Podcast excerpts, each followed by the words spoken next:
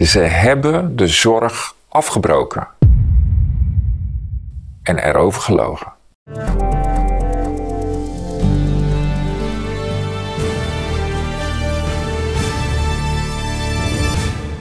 Ze.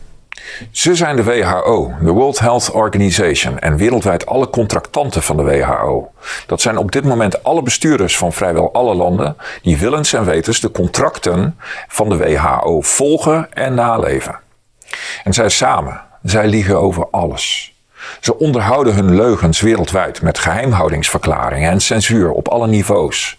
Dit gebeurt met de volle ondersteuning van Google, YouTube, Microsoft, Apple, Facebook, Twitter, universiteiten, hogescholen, kranten, bladen, radio en televisie.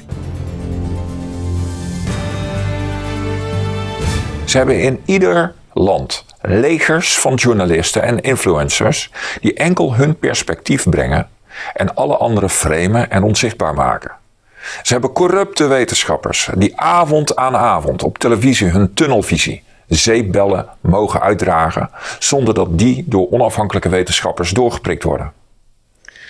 Het begon met de besmettingsmodellen rond corona en COVID en beelden uit China, waarvan we niets weten in hoeverre dat echt of opgezet was. Ze liegen over de ziekte, die goed te behandelen is. Ze hebben de zorg volledig afgebroken. Het eerste wat moet, is de zorgcapaciteit opschalen. En wat hebben de notabene demissionaire bestuurders van dit land juist gedaan? Ze hebben de zorg afgeschaald.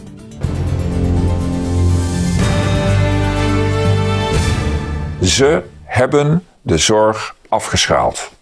Ze verhinderen actief dat een huisarts meer dan paracetamol kan voorschrijven, terwijl er een hoop mogelijkheden zijn om de ziekte in eerste lijn te bestrijden, waardoor het ziekteverloop juist veel gunstiger wordt. Ze liegen over de ernst van de ziekte.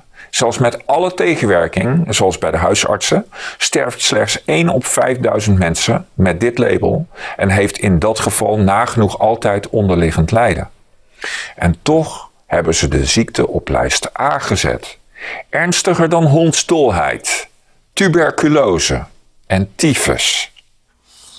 Ze liegen ook over de PCR-testen. Notabene de uitvinder van de PCR-test verzette zich 30 jaar geleden al met successen tegen dat men deze test wilde gebruiken voor het vaststellen van aids. Hij was tegen de inzet van zijn test omdat de test niet goed genoeg kan vaststellen of mensen werkelijk ziek zijn. En het ronduit kwaadaardig is om gezonde mensen te vertellen dat ze een super enge ziekte hebben, terwijl dat niet zo is. Ook OMT-corrivee Marion Koopmans vertelde bij de EO dat de test besmettelijkheid niet kan meten. Althans, die toont niet per se aan dat je besmettelijk bent. Ja, precies. En, en dat klopt ook. En ondanks dat allemaal hebben overheden wereldwijd en ook in Nederland een PCR-testomgeving uitgerold die miljarden kost. Verder wordt er getest met een staaf die veel te ver in de neus wordt geduwd. Dat is voor een PCR niet nodig. Ook dat kan juist schade veroorzaken. En in de tussentijd zijn voor de tweede keer de behandelingen van gewone patiënten onderbroken, waardoor veel meer mensen sterven of permanente schade oplopen en lijden. In mei 2020 waren de ziekenhuizen in Nederland zo goed als leeg, terwijl de politiek en de media vertelden dat de ziekenhuizen vol coronapatiënten lagen. Om dat te bewijzen is iemand met een camera door het hele Catharina ziekenhuis in Eindhoven gelopen. Ze kwam zo goed als niemand tegen. Er werden dus geen mensen met reguliere problemen geholpen, terwijl de ziekenhuizen dus compleet leeg stonden. We herhalen het nog één keer. Ze hebben de zorg afgebroken en erover gelogen. Toen hebben enkele bewindslieden gewoon straal zitten liegen. De, de premier, maar ook, ook de minister van Binnenlandse Zaken van mijn partij. Ollongren. Ollongren. En dat vond ik absoluut stuitend. Toen ik dat zag, toen dacht ik in mijn tijd, toen ik in de politiek zat, hmm. was het ondenkbaar dat bewindslieden die dat doen zouden blijven. En dat, dat, dat, leidt er dan ook toe dat je geen kabinet kunt vormen. Dat, je, dat, er, dat er een sfeer van wantrouwen is. Dat je elkaar niet vertrouwt. Mhm. En vertrouwen is zo ongelooflijk belangrijk. Ja. Maar de conclusie die ik u hoor formuleren is: als je liegt op zo'n belangrijk terrein, Rutte, Ollongren, dan moet je wegwezen? Ja, dat vind ik, ja.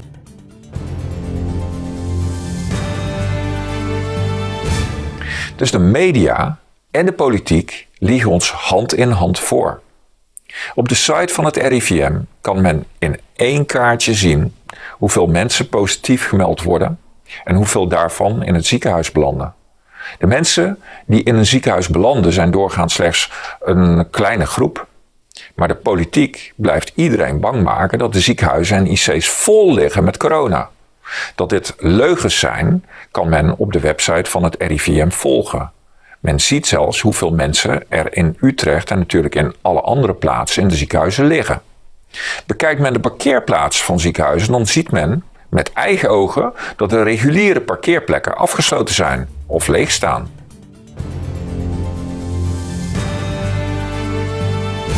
En nu?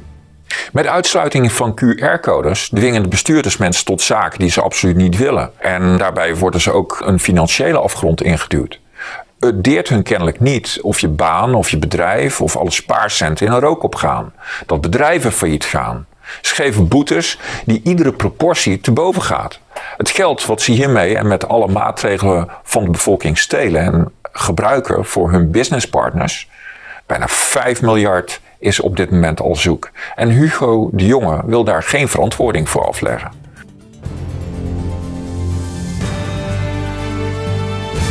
De vaccins zijn zo goed als ongetest ten aanzien van de langere termijn.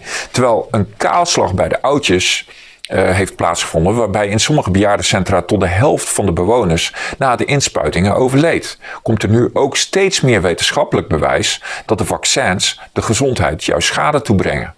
De vaccins leveren geen merkbare verbeteringen. Mensen worden net zo vaak en net zo ernstig ziek, maar in totaal gaan er nu wel meer mensen dood dan normaal. Vergelijken we de statistieken van vorig jaar met die van nu, dan zien we minder ziekenhuisopnames voor COVID en ook minder doden van COVID.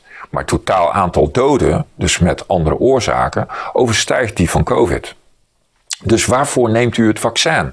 Is dat zodat u deel kan nemen aan de maatschappij of om u te beschermen? De vaccins veroorzaken juist meer problemen. Uit alle landen zien we de data dat de meeste mensen geprikt zijn, maar dat nu vooral de geprikte groep in het ziekenhuis belandt. En dat is ook niet vreemd. De uitvinder van de mRNA-technologie, dus de technologie die ook in alle vaccins uh, ingebouwd is, Robert Malone, waarschuwt al vanaf het begin van dit jaar dat de zogenaamde vaccins een gevaarlijk spike-proteïne aanmaken die veranderingen in het bloed veroorzaakt. The truth is that it's the vaccinated that are creating the risk. Een van die veranderingen is dat bloed eerder gaat klonteren en uiteindelijk bloedproppen veroorzaakt, die op hun beurt een hersenbloeding of hartproblemen geven, zoals myocarditis waar ook steeds meer sporters en kinderen last van krijgen. En denk niet dat myocarditis een onschuldig probleem is. Het is het begin van een afstervingsproces van de hartspier. En het eindstadium van die ziekte is dat de patiënt een nieuw hart nodig heeft. Die belangrijke informatie wordt nu in de media achtergehouden. Op dit moment waarschuwt Robert Malone onafgebroken voor om het vaccin niet aan kinderen te geven. We're rushing forward pell-mell, willy-nilly, on damaging and killing children. And there will be childhood death. There will be childhood damage. And it seems that we're going to have to have that for people to wake up. To get through this brain fog. Het verhaal is dat de vaccins voor uw bescherming en dat van de mensen om u heen zijn. Maar de mensen die geprikt zijn, krijgen nog steeds COVID. Dus mensen die waarschuwen dat je een ongetest vaccin met volkomen nieuwe technologie niet zomaar aan een hele bevolking mag geven, beginnen nu op een pijnlijke manier gelijk te krijgen. Door het wegdrukken van informatie in de media wordt de waarheid niet veranderd. De waarheid is dat COVID veel en veel groter is gemaakt dan dat het werkelijk is. Dat de cijfers op alle manieren gemanipuleerd zijn gepc'd. om er iets heel ernstigs van te maken. En dat op deze wijze doorgaan ieders bestaan dreigt te ontwrichten en uiteindelijk te vernietigen. Want doorgaan op deze voet opent de deur naar voedsel- en brandstoftekorten, overal op de hele wereld. We zijn op het punt aangekomen dat we regimeverandering nodig hebben. In ons land en in alle landen waar deze agenda wordt uitgerold. En we staan hierin niet alleen. Miljoenen mensen gaan dagelijks overal ter wereld de straat op om hun stem, hun ongenoegen en ontevredenheid hierover te uiten. En hoe reageren bestuurders hierop? Ze sturen politie op de mensen af die ze in elkaar mept. Is dit democratie? Ze luisteren dus niet. Ze voeren zonder pardon de ene na de andere ondemocratische maatregel in om het door hun gekozen beleid door te drukken. Alles op televisie, de radio, de kranten, sociale media, de zoekresultaten in Google en YouTube. Alles wordt door hun misbruikt om wat er werkelijk gebeurt onzichtbaar te maken. En zij samen, zij liegen over alles.